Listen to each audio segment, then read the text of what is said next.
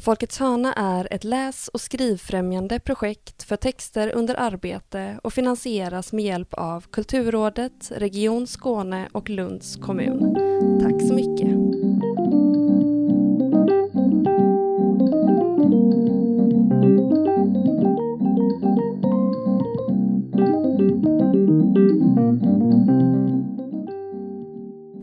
Hej och välkomna till Folkets hörna, en podcast om den skrivande praktiken. Eh, jag heter Agnes Stenqvist och med mig här idag har jag Emilia Palmén och även Anna Agrell. Hej! Hej! Du är författare och eh, du debuterade då hösten 2020 med eh, din roman Ett halvt andetag på Historisk Media. Mm, det stämmer bra. Vill du eh, berätta lite, vad är det för roman? Hur kom den till? Nej, men när jag läste på Lunds universitets författarskola så eh, skrev jag en novellsamling som hade en historisk eh, utgångspunkt. och när den novellsamlingen var klar och jag skulle skicka in den till förlag så valde jag ut ett, ett antal förlag, sju stycken, och eh, där var Historiska Media då mitt förlag, ett utav dem. Eh, och eh, när jag fick tillbaka respons från förlagen så, så var det ganska enhetliga svar. Många tyckte att, eh, att det här är bra skrivet, men kan du inte skriva en, eh, ja, en roman eller en, en längre historia? Mm de uttryckte det på lite olika sätt. En del förlag sa att det är svårt att nå ut i bruset med noveller och andra sa att eh, det här säljer inte. Så att det var samma sak så att säga. Eh, men det var eh, i samma veva då så hörde historiska media av sig och bad att få träffa mig. Och de sa att det här är en refusering men vi vill ändå träffa dig. Och då hade de noterat att jag skrivit i följebrevet att jag hade påbörjat en roman som utspelar sig 1948. Eh, och det var verkligen i sin linda vid den tidpunkten. Men eh, eh, ja, jag gick dit och presenterade en idé och då erbjöd de sig att vara med mig under processens gång. Eh, så att jag fick en redaktör, jag fick inget kontrakt men jag fick en redaktör som jag kunde skicka in eh, ja, 50 sidor åt gången till. Eh, så det var som en, nästan som en förlängd arm av författarskolan. Eh, när jag fick respons och så skrev jag om och sådär. Så att, eh, den här romanen eh, kom sig egentligen av ett annat projekt kan man säga. Eh, jag upptäckte att jag tyckte det var väldigt roligt att skriva historiskt och att utforska det historiska när jag skrev de här novellerna. Så fortsatte jag på det spåret. Mm. Vilken lyx! Att ja. liksom få en, en redaktör så. Ja. Från ingenting. Det var lite tur och eh, timing också tror jag. Därför att eh, den här redaktören det visade sig senare att hon har eh, ja, ganska mycket samma referenser när det gäller litteratur. Vi tycker om samma typ av litteratur och sådär. Så att, eh, ja, lite slumpmässigt får man säga också. Hur var det? Alltså jag tänker att eh, när man går på en, en författarskola eller på skrivarlinje eller så, så eh, den responsen man får där är ju på något sätt kanske oftast inte så mycket en rörelse framåt har jag, eller tänker jag i alla fall. Men när man har en redaktör som jobbar gentemot ett förlag eh, så är det ju ändå så jag kan tänka mig att man har liksom en slutprodukt i, liksom, som målsättning. Eh, hur var det att eh, jobba mot en redaktör på det sättet? Ja, jag förstår hur du tänker. Men där tyckte jag att de var väldigt måna om min konstnärliga frihet. Så att under processen så var det mer så här, ja heja på, fortsätt så här mm. ungefär. Eh, sen kom ju eh, redigeringen och det stora arbetet efteråt. Så att Eh, jag tycker inte att jag kände mig styrd av eh, redaktören på det viset. Eh, men däremot så fick jag ju en bekräftelse på att ja, men, än så länge verkar det funka i alla fall. Så, så det var ganska skönt att ha det i, i ryggen. Men jag, det låter helt underbart. Ja, det var fantastiskt.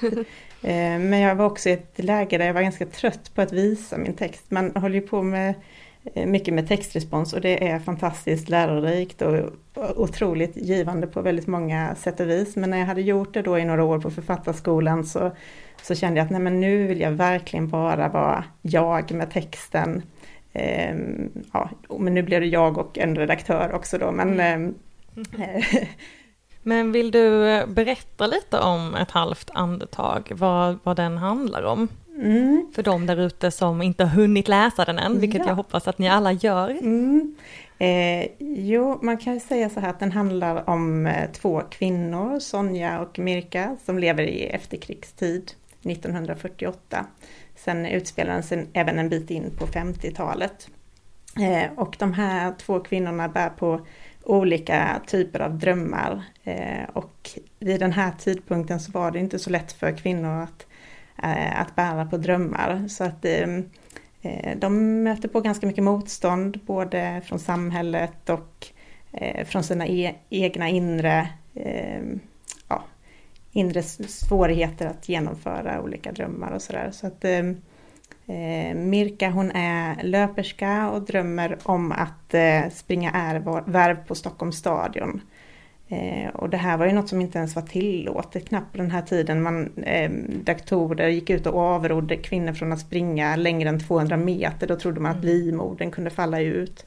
Eh, och eh, Sonja hon eh, arbetar på ett glasbruk och drömmer egentligen om att blåsa glas men det var eh, totalt omöjligt för en kvinna att göra vid den här tidpunkten. Det såg som alldeles för ansträngande eh, för en kvinna att göra. Eh, så att då blir det att hon tänker sig att kanske en utställning skulle hon kanske kunna göra men, men hon har ju mycket mer eh, hon lever mer i samklang med sin tid och har mycket mer inre hinder för att genomföra den här drömmen. Jag tänker på just det här att det är en historisk roman och du sa att Eh, att, det kom sig lite av, av den här novellsamlingen du skrev. Mm. Um, skrev du mer fiktion, eller så här, inte historiskt, eller samtida innan, innan den? Och hur i så fall eh, skillnaden i att skriva historiskt eller inte historiskt? Ja, det, ja, det kan man nog säga att jag skrev mer eh, eh samtida tidigare. Så att det var någonting jag upptäckte på författarskolan att, eh, att min röst kanske också passade för att skriva historiskt eh, på ett vis. Det ligger naturligt för mig att skriva så att man känner att man är på 40-talet kanske. Eh, så, på vilket så, sätt då? Är det liksom i, i ordval? Ja, eller? jag tänker dels på ordval och rytm mm. och ton och sådär. Jag tillbringade mycket tid med min mormor när jag var liten. Eh, för jag är ah, uppvuxen ja. med en ensamstående mamma och det gör att jag kan höra hennes ord inom mig väldigt tydligt och hur hon pratade och vilka uttryck hon använde och sådär. Så att det, det ligger liksom enkelt för mig på något vis. Mm. Um, mm. Så, så att och skillnaden mellan att skriva historiskt och samtida, jag tänker att eh, en stor skillnad är ju också det här att man ger sig ut lite på minerad mark när man skriver historiskt. Eh, att eh, det är alltid någon som läser och som ja, hittar någon anakronism eller någonting i mm. texten. Mm. Och, ja men var det verkligen så här på den här tiden? Och sådär att man eh, ja, man blir mer faktakontrollerad tror jag när man skriver historiskt mm. på något vis. Så det, eh, det kan man nog inte komma undan helt och hållet. Och det blir ju mycket mer research också om man jämför med att skriva samtidigt där man kanske har mer kunskap om, om den tiden som man lever i. Hur kommer det sig att du hamnade just liksom i eh, 1948 efterkrigstidens eh, Sverige, en lite mindre ort? Alltså hur hamnade du precis där? Ja, men jag, jag tycker det är en spännande tid för att eh, dels så fanns den här oron för kriget, att det skulle komma tillbaka. Eh, och samtidigt så var det många människor som blickade framåt och kände hoppfullhet. Och det var liksom på något vis en liksom skärningspunkt eller brytningspunkt där både den här oron och framtidshoppet fanns. Eh, och jag söker mig lite till den typen av punkter när jag skriver. Jag tycker att det är, ja, att det är intressant att det är hur människor hanterade tillvaron då. Nu har jag hört att många skriver om eh, covid, att förlagen dränks av manus mm. som handlar om pandemier. Eh, men jag kan förstå det på ett vis för att det, det Eh, det är också någon form av brytningspunkt, att hur hanterar man det här i en relation? Till exempel jag såg eh, igår på stan så var det, ja det var uppenbart ett par, de höll varandra i handen där den ena hade munskydd och den andra inte. Och det väcker mycket frågor i mig, undrar hur, hur ser det mm. här ut på insidan egentligen? Det måste ha liksom föregåtts av eh, många diskussioner tänker jag, där man har olika syn på hur man ska hantera det här. Tänker att då finns det säkert någon, en framtida Anna Agrell om så 50-60 år som skriver om den, den boken, om det paret kanske, ja. som en historisk roman. Ja, vi får se. Vi får se. Jag tänker också att eh, när man eh, väljer att skriva historiskt så, så det finns ju vissa teman i din eh, bok, eller ett halvt andetag, som jag tänker på eh, just så här efterkrigstid eh, och snäva ramar för att vara kvinna. Eh, och eh, finska krigsbarn eh, och psykiatrin. Eh, och att det är lätt att, eller att det blir oundvikligen eh, politiskt på något sätt. Alltså vad man väljer att skriva om och vad man väljer att lyfta fram. Eh, hur, hur känner du kring det? Jag tänker att det är upp till betraktaren och läsaren vad man tolkar in i, i det. Eh, jag har i alla fall haft som ambition att inte eh, lägga några svar i läsaren på något vis utan att, eh, att man får tänka själv och att eh, eh, jag tycker till exempel väldigt mycket om Sonja som eh, ja, som lever mer som en kvinna gjorde på den tiden.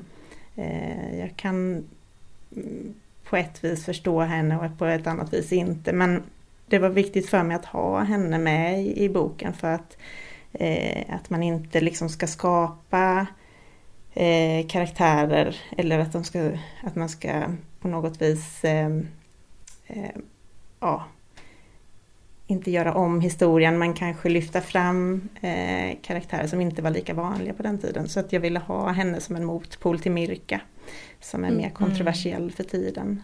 Det funkar ju väldigt bra. Eh, det blir, eh, de kontrasterna blir ju också eh, ja, men man får tänka efter liksom, som läsare. och i ett halvt andetag så har ju eh, Mirka en förebild som är Nora Anna Larsson. Mm. Eh, som eh, är en verklig person som var löpare, mm. Eh, som sprang. Eh, och jag gick såklart in och kollade på hennes så, Wikipedia-sida och hon har ju tagit det, ja men det, det var, stod någonting om att hon aldrig har förlorat ett lopp. Alltså det är ju helt, ja. Mm, hon har tre eh, världsrekord. Eh, ja. På, 800 meter. Fyra, mm. beroende på hur man räknar men eh, ett inofficiellt. Eh, mm. Vilket ju är helt fantastiskt. Så man, jag, har aldrig, eh, jag, har ju inte, jag är inte så sportintresserad så det kanske inte är så konstigt i vilket fall att jag inte har talat om henne. Men just som, eh, som du också sagt i andra intervjuer att det är en person som eh, har kommit i skymundan. Eh, och just det här som du sa om att Sonja alltså hur man levde som kvinna på den tiden. Att på eh, Noranna Larssons eh, Wikipedia-sida så står det också en liten sån här svans som att eh, hon gifte sig och då la hon mm. löparskorna på hyllan. Mm. Eh, det också känns, det känns så äkta på något sätt. Ja, det är liksom... så var det ju ofta. Och Eh, jag vet att det är någon kvinna i boken som kommenterar Mirka och säger att men får man inte hemskt fula ben om man eh, springer? Mm. Eh, och det har jag tagit rakt av från en sån här, jag hittade så här gamla sportböcker och där var det då en kvinna som var aktiv i Jönköping, en löparklubb i Jönköping på 40-talet som, som sa att hon avslutade då för att hon fick så hemskt fula ben och det är ju någonting som man inte kan föreställa sig att någon skulle sluta idag av den anledningen. Nej. Så man förstår hur tilltryckt det var på den här tiden. Ja, löpning är ju en, stor del av Mirkas eh, karaktär i boken. Eh, men det avslöjas ju också att, att du är en, en löpare. Ja. Står i din lilla författarinfo där på boken. Mm. Eh, och jag, jag tycker det är så spännande med just eh, löpning och litteratur. Att det finns ganska, det känns som att det finns ganska stora likheter där på något sätt. Dels att det finns mycket intresse i, inom litteraturen att skriva om löpning. Jag tänker på till exempel Haruki Murakamis mm. bok, mm. vad jag talar om mm. när jag talar om löpning. löpning. Ja, eh, Tova Gerges Pojken är också löpning en, stor del. Eh, och man kan liksom prata om att, att skriva som, som ett lopp och så vidare. Mm. Eh, men jag tänkte just, har löpningen liksom en del, är det en del i din skrivprocess eller har det, finns det någonstans tillsammans med ditt skrivande? Eller är det helt särskilt från det? Det finns ju vissa likheter som ni säger, men det finns också en hel del olikheter och en av de olikheterna tänker jag är att inom litteraturen så går man liksom in i smärtpunkterna och i idrotten så måste man negligera smärtan. Man kan liksom inte stanna upp för att man har ont någonstans mm. eller sådär. Så att för mig är de där två kanske komplement till att hantera livet på något vis och situationer mm. som man hamnar i. Eh, men med det sagt så får jag ju ändå en del tankar när jag springer som jag kan ta med mig in i skrivandet. Som, det frigör ju mycket när man springer eller promenerar. Jag vet inte hur ni gör men eh, just promenader eller komma ut och röra på sig kan liksom få en att tänka på, på ett annat sätt på texten. Jag har ju den extremt stillasittande versionen av det, vilket är att jag stick, stickar väldigt mycket. Ah. Och då kan jag sitta och sticka helt utan musik eller någonting och bara liksom låta tankarna flöda. Mm. Och då väldigt ofta känner jag att, eh, att idéer kommer till mig. Mm. Jag, tänker, jag tycker också att det är, alltså jag springer ju inte men just det här med att ta långa promenader, jag har haft hund innan och så, att det är, är en viktig del för liksom, eh, Mm, i processen att tänka över det som man har skrivit eller ska skriva och, och, att det kommer mycket idéer. Men jag blir så, jag kan bli så rastlös och att det nästan kan vara lite ångestfyllt att, att gå ut utan att lyssna på någonting, utan att lyssna på podd eller på musik och sådär. Eh, springer du utan musik? Måste det vara helt tyst eller hur? Jag springer utan du? musik men eh, mm. jag har ju också det här behovet när jag cyklar till jobbet så kan jag inte göra det utan att lyssna på en eh, ljudbok eller, eller någonting som har med mitt skrivande att göra. Sådär. Mm. Eh, så det har jag, men just när jag springer så ja, försöker, jag försöker de passen som jag hinner med försöka springa rätt så snabbt. Mm. Så då hinner jag inte lyssna på någon musik. Hur ser din eh, skrivprocess ut? Ja, jag har ju familj och eh, jobbar. Eh, så att mitt skrivande sker mestadels på kvällen. När barnen har mm. gått och lagt sig så tar jag på mig hörselkåpor och sätter mig vid datorn och då då är det bara att skriva, då finns det inget, eh, då kan jag inte hålla på och tveka för det är den tiden jag har eh, mm. att tillgå. Eh, sen har det blivit lite väl många nätter och kvällar av skrivande så att nu har jag faktiskt gått ner lite grann i tid för att hinna med att skriva nästa roman. Så att, idag har jag haft en helt slät skrivardag. Fan, lyxigt. Mm. Funkar det för dig? Alltså just det här med att eh, det, är många, det känns som att det är två olika sorters författare och antingen är det jag måste gå runt och ha en dag och inte skriva någonting och sen så kommer det något. Alltså, och sen så är det, jag vet att så Martina Haag som är otroligt produktiv har eh, sagt det också, just det som du säger, jag har barn, det finns tio minuter att skriva, då får man skriva på de tio minuterna och så blir det så. Um, men det funkar ju inte för alla. Hur, hur, känns, det, hur känns det för dig? Ja, jag tror att eh, för min del var det ganska viktigt att eh, liksom minska prestationsångesten, eller vad man ska säga, som man kan få efter man har gått en skrivarutbildning. Att, eh, att eh, har jag ett jobb på något vis så har jag någonting eh, någonting fast att hålla i. Eh, och då kan jag använda den andra tiden till att skriva utan press. För jag har ju ändå ett jobb på något vis.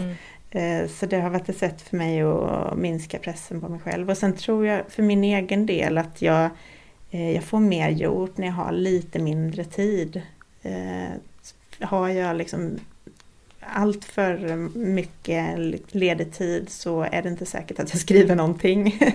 Utan okay. jag behöver ha det här liksom, okej okay, nu är det tre timmar eller två timmar eh, och så kör vi på det. Men sen så tänker jag också mycket på vad, när jag har som mest eh, Eh, energi under dagen. Så där, att jag, är, jag har det på kvällarna. Så, där, så att det är därför jag har valt att göra så. Men jag vet, jag eh, tittade på någon dokumentär om Knausgård och han gick ju upp vid fyra, fem på morgonen och skrev innan barnen gick till förskolan mm. och skola. Eh, så att jag tänker att man kan lägga upp dagen efter vad man har som bäst flöde. Eh, mm. Och så kan man göra sådana andra saker, för det är ju lite sådana här svara på mail och eh, olika saker. Det kan man göra de andra tidpunkterna när man inte eh, har så mycket energi eller sådär. Just det. Men sen så mm. tänker jag mycket liksom, på väg till jobbet och från jobbet så tänker jag mycket på romanen för att vara inne i berättelsen och kanske få upp någon mening och sådär. Så att eh, när jag skriver, sätter mig och skriver så har jag liksom redan påbörja tanken. Eh, mm. Och då brukar jag liksom börja med att lyssna på, jag har alltid en låtlista till varje projekt som jag håller på med. Så jag mm. brukar liksom lyssna på det för att komma in i, i rätt eh, rytm och ton. Och sen, nu kanske det här låter lite flummigt då, men sen så försöker jag liksom ta med mig den tonen in i texten på något vis. Jag tycker det låter helt rimligt. Ja. ja, det, det är det som är härligt att prata med skriven. ja, man bara, det är helt normalt. Ja. så gör väl alla. Ja. nej men jag, jag håller med. Jag brukar också ha gärna någon, alltså en, en eh, låt eh, eller eh, ett album eller någonting som är liksom att jag känner det här är min bok eller det här är mm. eh, en, en närhet till det jag skriver. Men jag måste ju fråga då, vad hade du, vad var liksom vilka artister eller vilken låt var i så fall ett halvt andetag? Ja, det är ju de här lite klämkäcka 40-tals artisterna då, Alice Babs och ja, det, mm. det är lite olika typer av, eh, lyssna på Glenn Miller och eh, ja, lite sån här gammal musik då som, som jag har en låtlista som jag har skrivit utifrån. Kan du, kan du fortfarande lyssna på den nu eller har du liksom, Nej, är du trött jag på jag, upp, jag håller i en eh, digital bokcirkel som handlar om min bok och då la jag upp den i den gruppen men annars så vill jag inte veta av mer.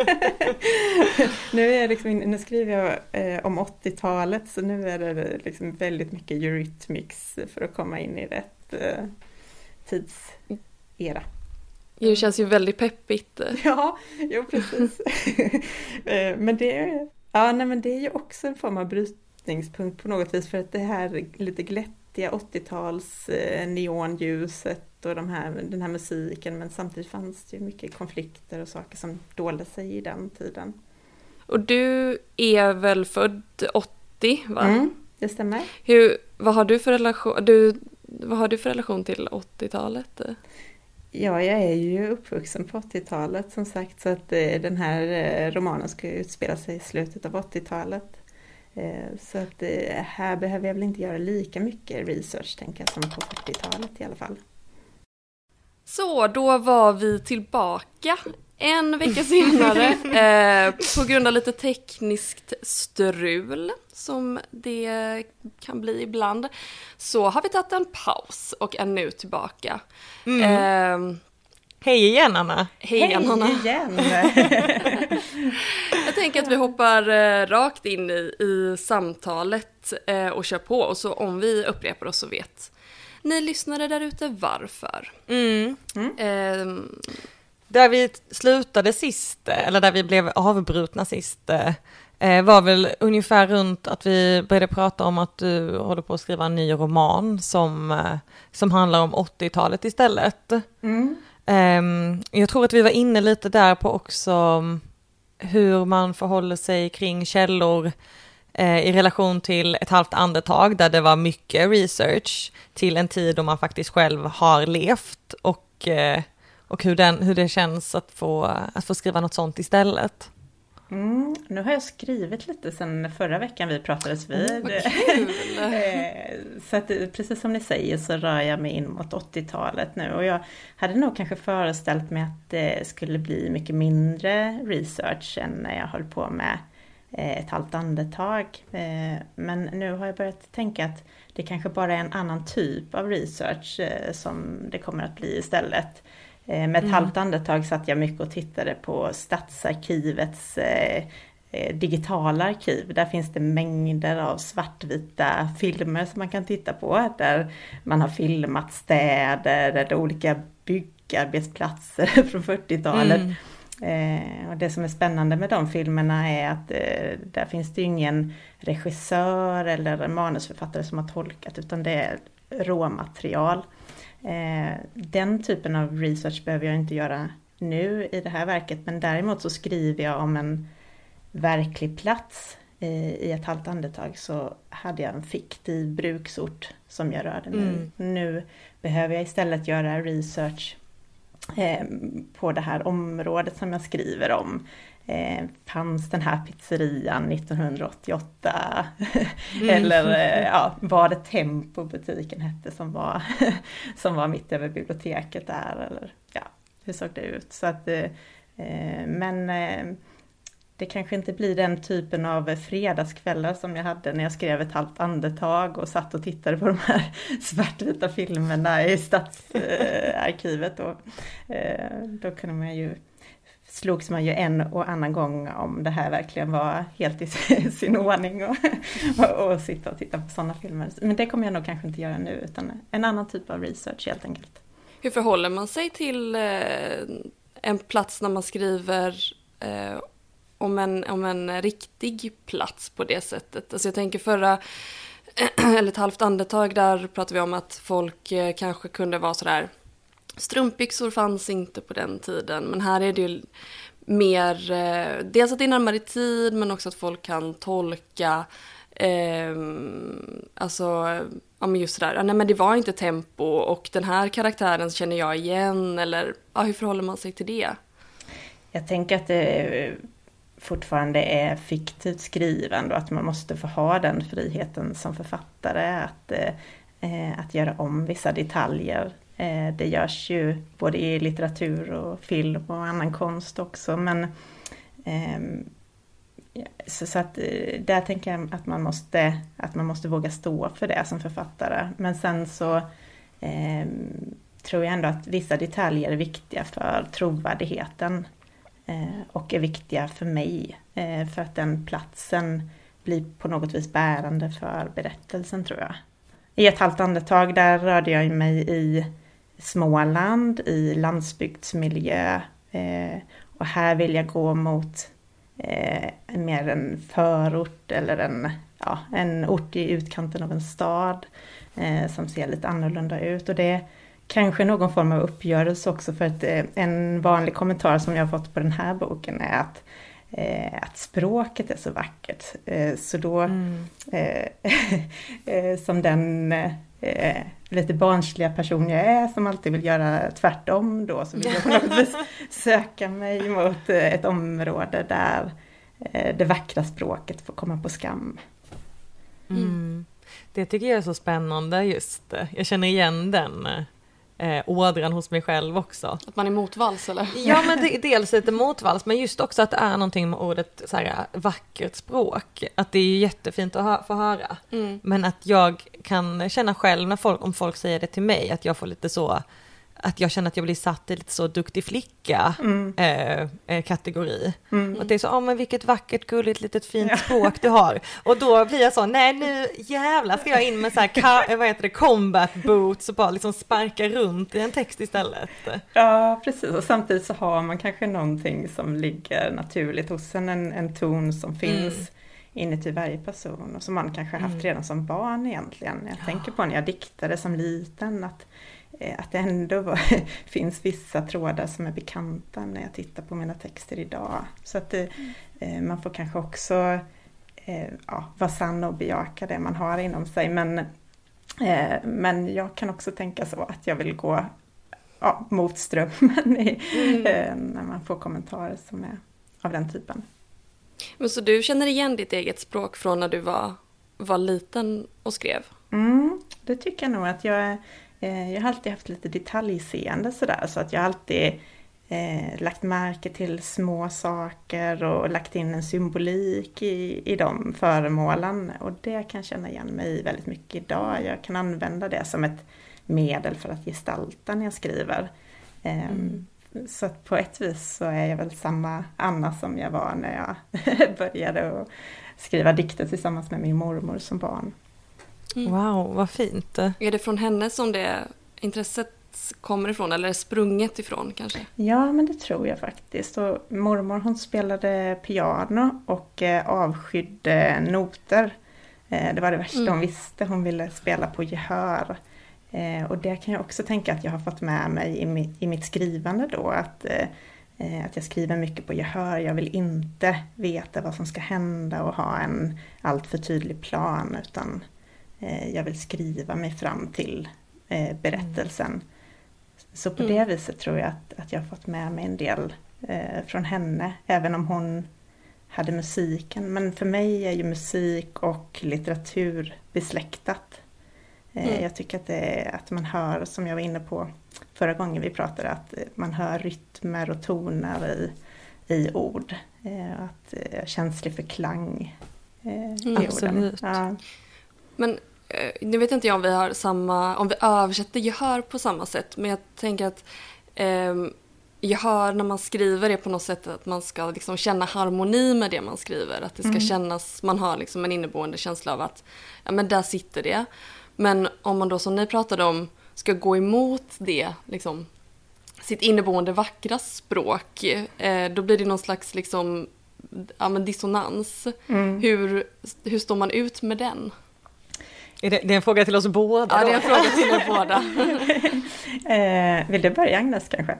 Jo, men jag tänker själv att, eh, att det, är ju mer, det blir ju mer utmanande. Speciellt när man har ett, ett, eh, ett skrivsätt som är det som faller naturligt för en. Eh, men samtidigt så är det kul att utmana sig själv. Och jag känner att det är genom att, att göra just det, att blanda min, liksom, vad ska man säga, min naturliga ton med ett Eh, ett sätt att skriva som inte är lika bekant för mig, som jag har utvecklat som mest som en skrivande person och sett och nästan genom det kommit till en ny plats som har blivit det naturliga för mig. Så det är mm. liksom från då dissonans, eller från gehör till dissonans till ett nytt gehör i så fall kan man ju säga. Just det. Mm, mm. det kan jag känna igen mig i där du säger också att, eh, att experimenterandet har en viktig funktion.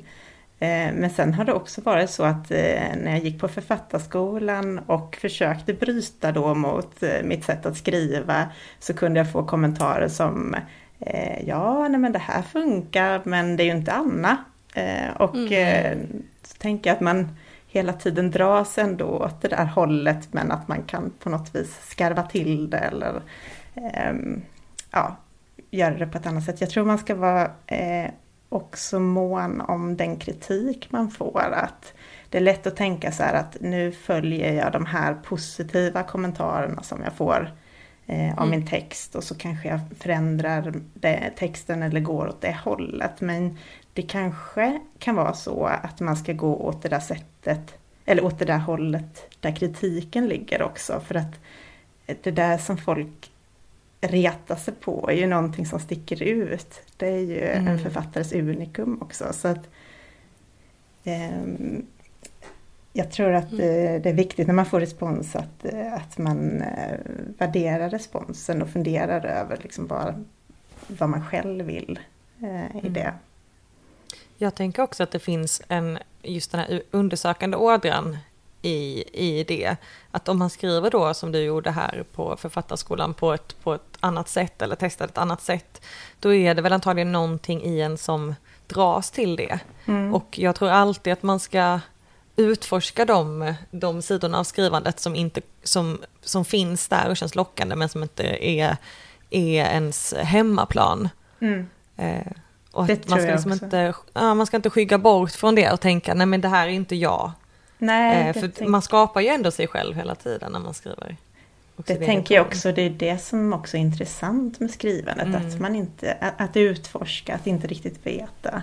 eh, mm. vart det bär. Jag, ja, jag tror inte det hade gått att skriva för min del om jag, eh, om jag inte hade testat och experimenterat eh, med texten. Hur eh, ser din nuvarande skrivprocess ut? Eh, ja, nu har jag en dag i veckan som jag viger åt skrivande. Men sen är det kvällar och nätter eh, som jag sitter ganska mycket då när barnen har gått och lagt sig. Eh, då sitter jag uppe och skriver och ja, jag tänker mycket när jag är ute eller när jag får pauser i tillvaron så tänker jag på manuset och hur det ska eh, utforma sig och sådär. Eh, och sen, sen skriver jag helt enkelt. Mm. ja. Jag skriver några, jag försöker behålla kontakten med manuset eh, under en, ja, en del av tiden. Eh, jag brukar dela upp det sådär att jag skriver 50 sidor åt gången och då vill jag gärna ha kontakt med manuset varje dag. Mm. Eh, och har liksom, jag tänker oftast att jag, eh, det räcker att jag skriver en mening på kvällen. Och då blir det oftast lite till för att man läser igenom det man har skrivit tidigare och så fortsätter man mm. att skriva på det. Och jag vill gärna, jag drivs av att, att till exempel att avsluta mitt i en mening eller att avsluta med en ja. fråga för att då blir jag på något vis tvingad att fortsätta dagen på. Mm. Det är ett jättebra knep faktiskt. Jag, jag har också testat det och då, det, för mig blir det också så att då är man ju kvar i texten om man, om man lämnar mitt i, att man har inget, inget annat val nästan mm. eh, än att hoppa rakt in i det. Eh, nej, att man kan ju inte vara så då att, eh, som, jag, som jag blir ibland, nej men den är nog färdig nu. Alltså, eftersom att jag skriver noveller så kan det väl lätt bli så att så här, man har tänkt att det ska bli ett långt, eller ännu längre slut och sen så tittar man på det när man har liksom avslutat en mening och kommer tillbaka några dagar senare och bara, nej men det, jag har ju satt punkt. Det duger väl. Vi prat, jag vet inte om det var någonting som försvann, men vi pratade också mm. lite om, eh, om eh, dina, att du lyssnar på musik som har att göra med perioden mm, eh, ja, som du skriver om. Men jag tänkte ändå att det är jätteintressant då i kombination med att berätta det här med din mormor och musiken. Ja. Att det känns ju verkligen, det du berättar som att musiken är en jätteviktig del av mm. att skriva. Mm. Men är du en sån person som lyssnar på musik samtidigt som du skriver också? Nej, det gör jag inte. Det kanske kan hända någon gång att jag sitter och redigerar med svag musik i bakgrunden men eh, nej, när jag skriver då är det de här hörselkåporna som mm. sitter på och eh, då vill jag vara liksom helt i mitt inre rum. Eh, mm. Mm. Det är samma för mig, jag behöver eh, liksom att det är tyst. Och ett jättebra tips till alla där ute, det här är mitt bästa tips, white noise. Mm, eh, det finns så man kan, eh, så, sån tio timmars slinga på YouTube som bara är så och så sitter man och lyssnar på det. Och det är som att Alltså det är någon, alltså eh, enhancement typ, att man blir liksom, performance enhancement heter det, att man blir så här bara superfokuserad och eh, ja men det är som en, mm. en liten drog så. Det var jättespännande. Mm. Mm, prova. Ja det får jag göra. Då kanske Agnes, du och jag kanske ska prova det då så kanske det blir en helt annan typ av texter nästa gång. Vi får gång. göra det. Vi, vi tar och testar en vecka och sen får vi eh, reconnecta och se hur det har gått för oss med White Noise-experimentet. Jag tänkte på eh, vad händer, vad händer när det inte går att skriva? Vad gör man då? Ja, man kan, eh, det beror lite på hur lång period det är. Jag tänker att man kan tillåta sig själv att vila också från skrivandet när det behövs. Eh, men annars så försöker jag nog ha något annat projekt som ligger vilande som jag kan ta till eh, när det låser sig med det andra. Eller att jag skriver på kortare texter. Jag tycker fortfarande mycket om att skriva noveller för att det finns en tydlig början och ett tydligt slut och det finns en ja, men jag tycker om den här känslan av att man slutar i ett ögonblick, liksom att det är ett fruset ögonblick och att man får fortsätta tänka mm. eh, vad som händer sen. Eh, och det är ju det kan man ju värva med de här lite längre texterna för den längre textmassan kan ju kännas eh, nästan oöverstiglig i vissa perioder. Och då kan de här Mm. lite kortare texterna, eh, ja, det var väldigt skönt att ha eh, i motsats till det andra. Mm. Kanske blir, ligger mindre prestation i det också. Det är Mm. någonting som lockar. Mm. Ja, kanske. Jag känner faktiskt inte så mycket prestationsångest just när jag skriver. Eh, Mm. Jag, har, eh, jag brukar säga att jag har talang för att tänka kortsiktigt. Eh, så, och det är egentligen ingen talang då, men, men just i det här sammanhanget så är det ganska så bra för att jag tänker väldigt sällan på hur läsarna ska ta emot det jag skriver eller eh, tänk om eh, den här personen läser det här manuset, vad händer då? Utan de tankarna kommer först när manuset är klart, då kommer de med besked. kan man säga. Då, då får man nästan en kris och tänker, gud, hur tänkte jag nu? Har jag skrivit hela den här romanen utan att ha haft en tanke på att någon ska läsa den? Eh, Men Men just när jag skriver så, så tycks jag ha en förmåga att eh, tränga undan allt sånt. Det kanske är svårare nu eh, eventuellt, för att nu har man fått ta del av recensioner och Mm. kommentarer och kritik på ett annat sätt. Jag kan tänka mig att det är det som en del upplever som svårare med den andra boken. Att just tränga undan eh, personer som ska läsa. Mm. Ja, att läsaren har liksom flyttat in hos en. Mm, kanske. Eh, Läser du mycket, eller läser du alla recensioner eller hur? eh? Ja, jag har ju svårt att låta bli då. så än så länge har jag gjort det faktiskt. Men eh, eh, ja, det är också så att det är första boken som jag ger ut så att därför så är det eh, ja, så är man extra nyfiken på vad det är man har skrivit eller hur folk Mm. uppfattar det man har skrivit. Mm. Såklart. Jag, har ju också, jag hade också varit väldigt nyfiken. Jag hade inte kunnat låta bli att googla mig själv. Liksom. Var tionde minut. Var tionde minut ungefär. Alltså Google alerts. Ja. Ja men ofta så eh, när man får eh, recensioner på Instagram och sådär så, blir, så taggar de ofta ändå och då Ja, kommer ju just kanske det. de där då, då får man ju se dem oavsett om man vill eller inte så att säga. Så att, eh, men Mm. det har varit en positiv upplevelse hittills måste jag säga. Så Mm. jag är jätteglad för de recensioner jag fått. Du var ju också med i Folkets hörna. Ja, Eh, vilket som sagt är anledningen till att vi sitter här idag och pratar. Eh, när du var med där så var du ju med, eh, inte som en av författarna utan som en av de aspirerande författarna. mm. Eh, hur var den erfarenheten för dig?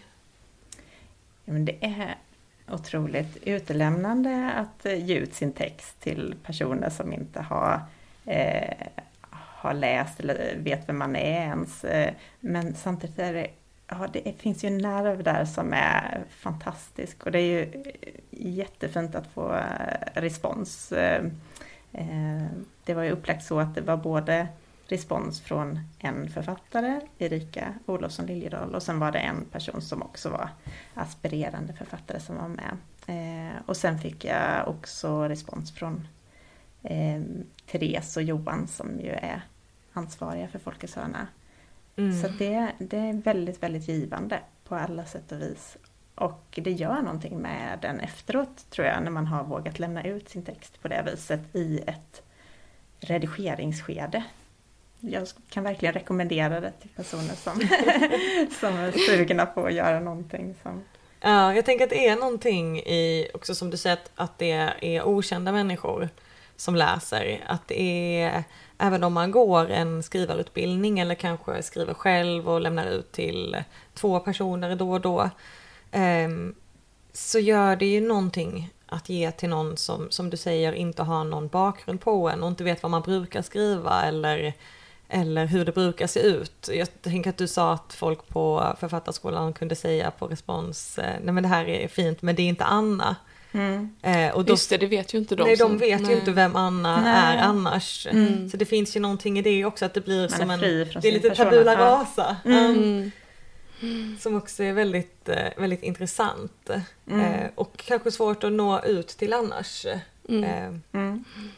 Eh. Ja men jättespännande. Jag vet att du sa sist också när vi snackade om att det var eh, Erika då författaren som tipsade dig om historisk media. Ja, men det stämmer. Eh, Ja. Hon, är ju, hon skriver historiskt eh, eh, och är mycket läsvärd. Hon eh, pratade mycket inspirerande om sitt förlag och, och, och, ja, jag fick ett väldigt positivt intryck. Så det var en av anledningarna till att jag skickade in till just historiska media som ett utav mm. förlagen. Eh, så att det där har jag mycket att tacka Folkets hörna för. Då. ja. ja, du hade inte träffat Erika innan det? Nej, vi gick, eh, hon gick ju också på Författarskolan men hon läste mm. en annan årgång. Så mm. vi hade inte träffats. Jag tänkte på Emilias favoritämne. Mm, refuseringar. Ja. Varför är det favoritämne? Nej men det är en, eh, men det är så skönt att höra om folk som eh, misslyckas, så på att säga. Nej men alltså att man eh, för an, jag tycker ju för sig att eh, författare idag är ganska bra på att prata om refuseringar, men att det känns, eh, i alla fall när man eh, börjar skriva och när man eh, liksom kommer in i någon slags skrivande värld, att man har, eller i alla fall jag hade en idé om att eh, det går så lätt för alla och det är mm. så, folk har liksom, det är en, folk har talang och att den här talangidén är skön att liksom komma ifrån lite. Mm. Att så här, visst kan man ha talang men det är också ett slit ja. och så. Mm. Eh, och eh, det, är, det är betryggande att, eh, att höra om folk som har blivit refuserade och sen mm. så antingen liksom brutit ihop och bara nej men jag eh, eh, jag skriver inte något mer. och sen så kanske tar upp det flera år senare. Eller att man bara så, nej men nu jävlar ska jag visa dem och ja, mm. sådär. Eh, vad är din erfarenhet från, från refuseringar? Mm, ja, det är lite av ett favoritämne för mig också. Jag kan förstå den mm. eh, ja, viljan att ta reda på vad som händer bakom förlagets väggar också. Mm. Eh, men eh, jag fick min första refusering tror jag när jag var 25. Då skrev jag mitt mm. första manus och eh, eh, Eh, nu när jag läser igenom en av de refuseringarna så förstår jag att det här var en så kallad positiv refus. Men det förstod jag inte alls då, utan jag tolkade det som ett eh, eh, nej med versaler. Och ja, blev väl lite irriterad och sådär. Men det jag förstår nu är ju att får man den här typen av positiva refuser så ska man göra någonting med det om man känner att man vill det. Eh, att man tycker att förlaget har rätt i sina kommentarer så ska man mm. försöka jobba om manuset, ta sin tid att göra det också. Eh, men sen efter det så har jag skrivit olika manus och fått eh, flera refuseringar, ibland varit nära eller förstått att förlagen har tyckt om någonting men så har det fallit på någon aspekt. Eh, det, det är så mycket tur och timing tänker jag i det här, att komma mm. i rätt händer vid rätt tidpunkt att ämnet ska stämma. Eh, men jag tror verkligen att man måste vara sann mot sig själv och försöka skriva det man själv är intresserad av och inte anpassa sig efter vad man tror att förlagen vill ha. Eh, mm. För det tror jag känns i, i texten. Jag tror att jag berättade om den här processen jag hade när jag skickade in mitt novellmanus till förlag och det blev ju också refuserat. Det som jag skrev på Författarskolan. Eh, men det var ju också den refusen som ledde till att jag sen blev antagen. Eh, mm. När Historiska Media eh, la märke till att jag hade höll på med ett projekt nu då som handlar om 40-talet. Ehm, så att jag tror verkligen att man inte ska ge upp utan att fortsätta skicka och att inte fastna i det här att man måste vara utgiven av ett stort förlag utan skicka till flera förlag. Jag brukar tänka att en när det kommer en refusering tillbaka så ska jag skicka ut manuset till ett nytt förlag. Så att jag hela mm. tiden håller någonting i rörelse. Eh, det behöver inte vara eh, just ett manus jag håller i rörelse utan det kan vara skrivandet i sig, att jag går på ett nytt projekt. Men eh, att man inte... Det är klart man ska tillåta sig att stanna upp och, och fundera också men jag tror, tror mycket på att hålla uppe, hoppet uppe genom att skicka in. Ja, det är ju någonting så otroligt eh, nästan obehagligt, tycker jag, i den tanken. Som du säger, att det handlar så mycket om tid och timing. Och så, vems händer det hamnar i, när det hamnar i dem.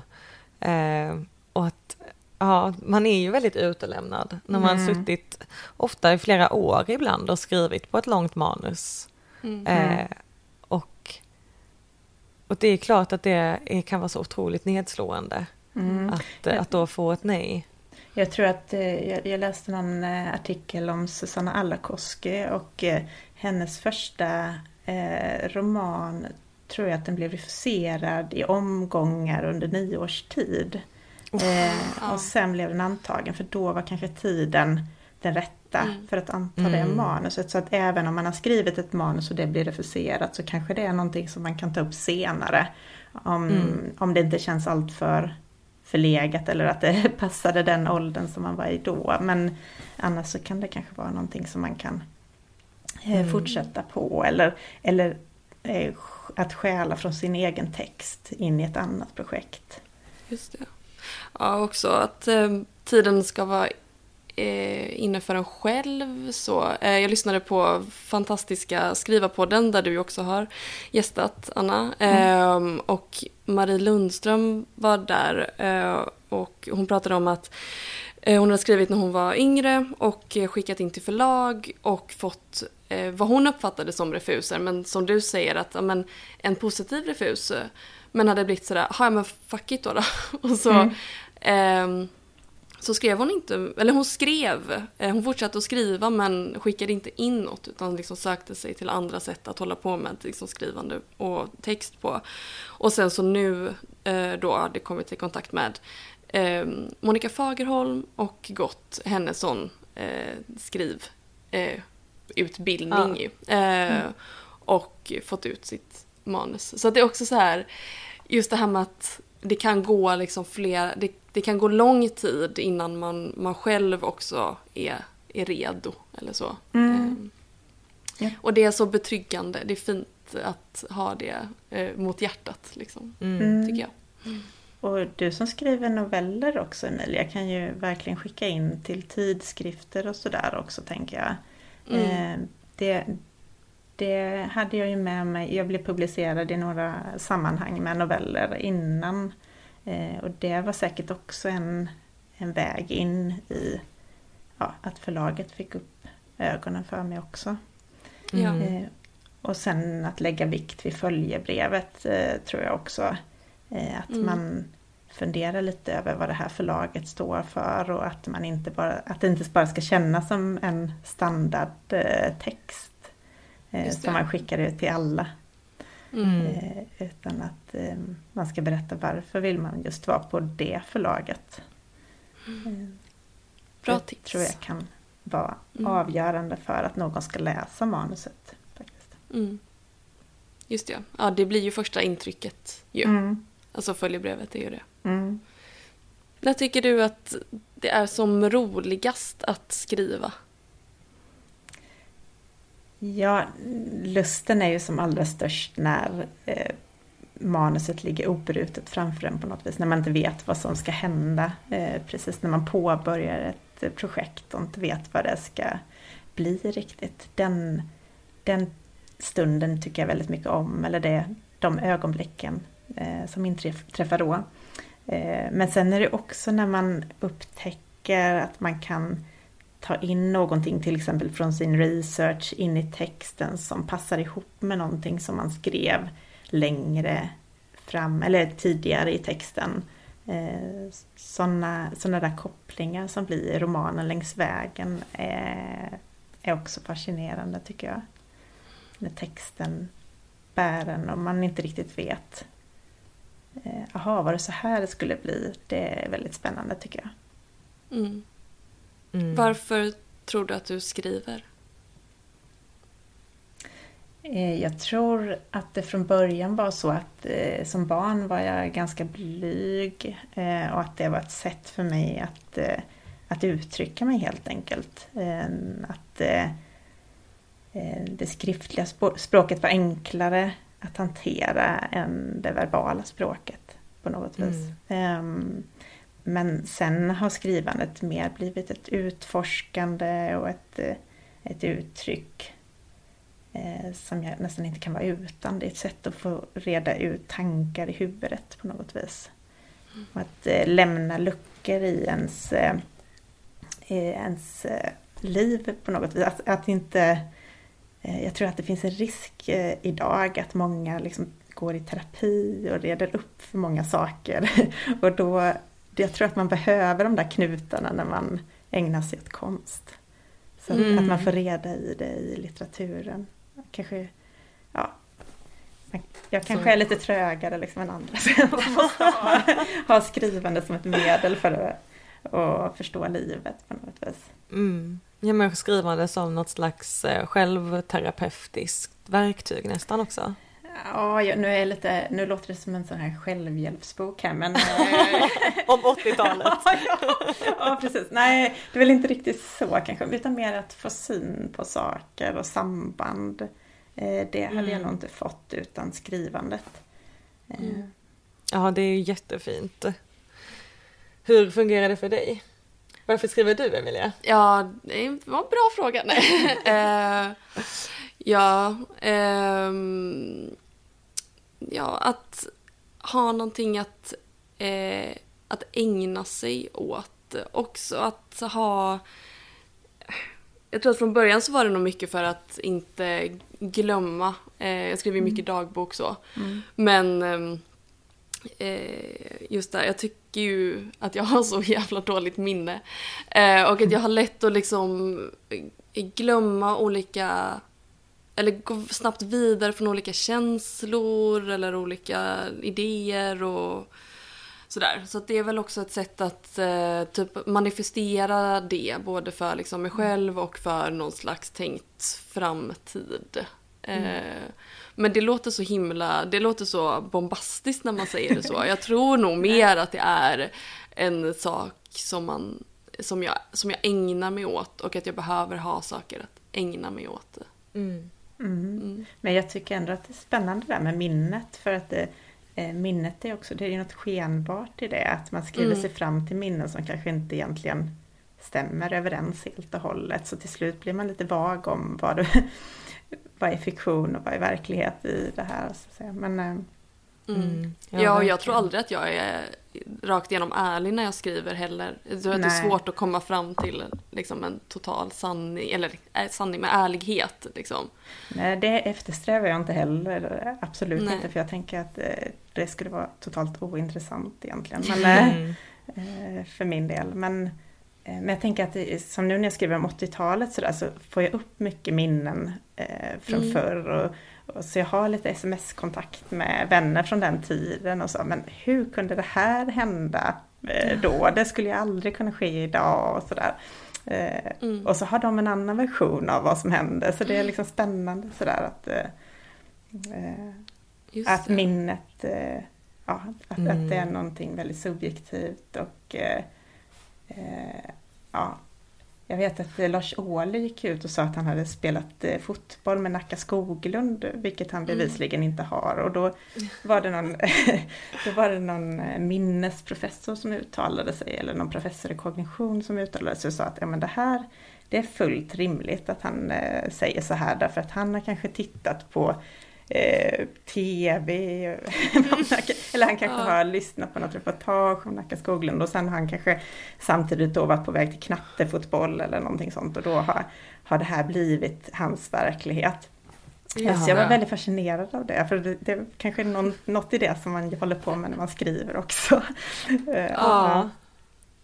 Ja men absolut. Ja och extra mycket nu tänker jag, när just det här projektet med 80-talet, att det som du säger, att det mm. måste ju vara ett otroligt liksom eh, ägnandet åt, eh, åt minnet. Mm. Och också någonting härligt förlösande i att det inte måste vara sant. Att, att liksom får använda minnet men göra fiktion av det. Mm. Mm.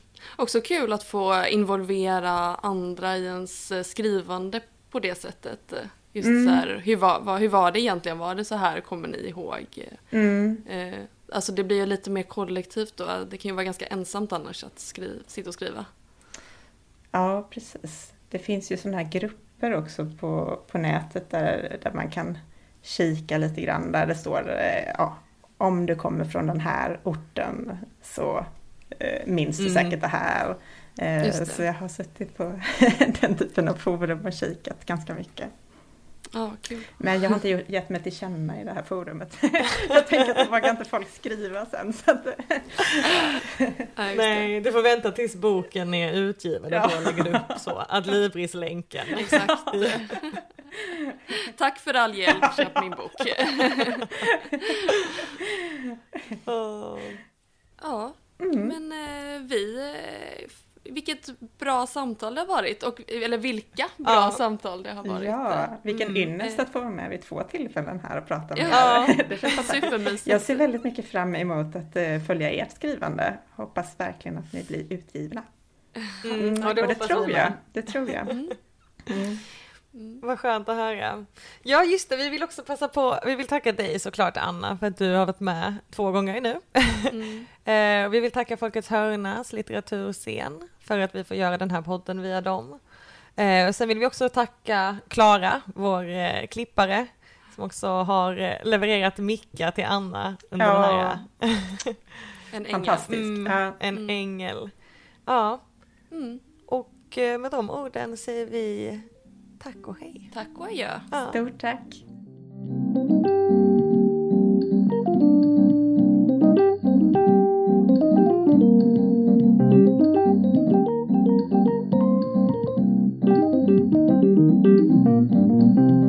Gud vad kul att ni har lyssnat på Folkets hörna. Har ni några frågor eller vill komma i kontakt med oss så kan ni mejla på hej och följ oss gärna på sociala medier, eh, Facebook och Instagram. Där heter vi Folkets hörna.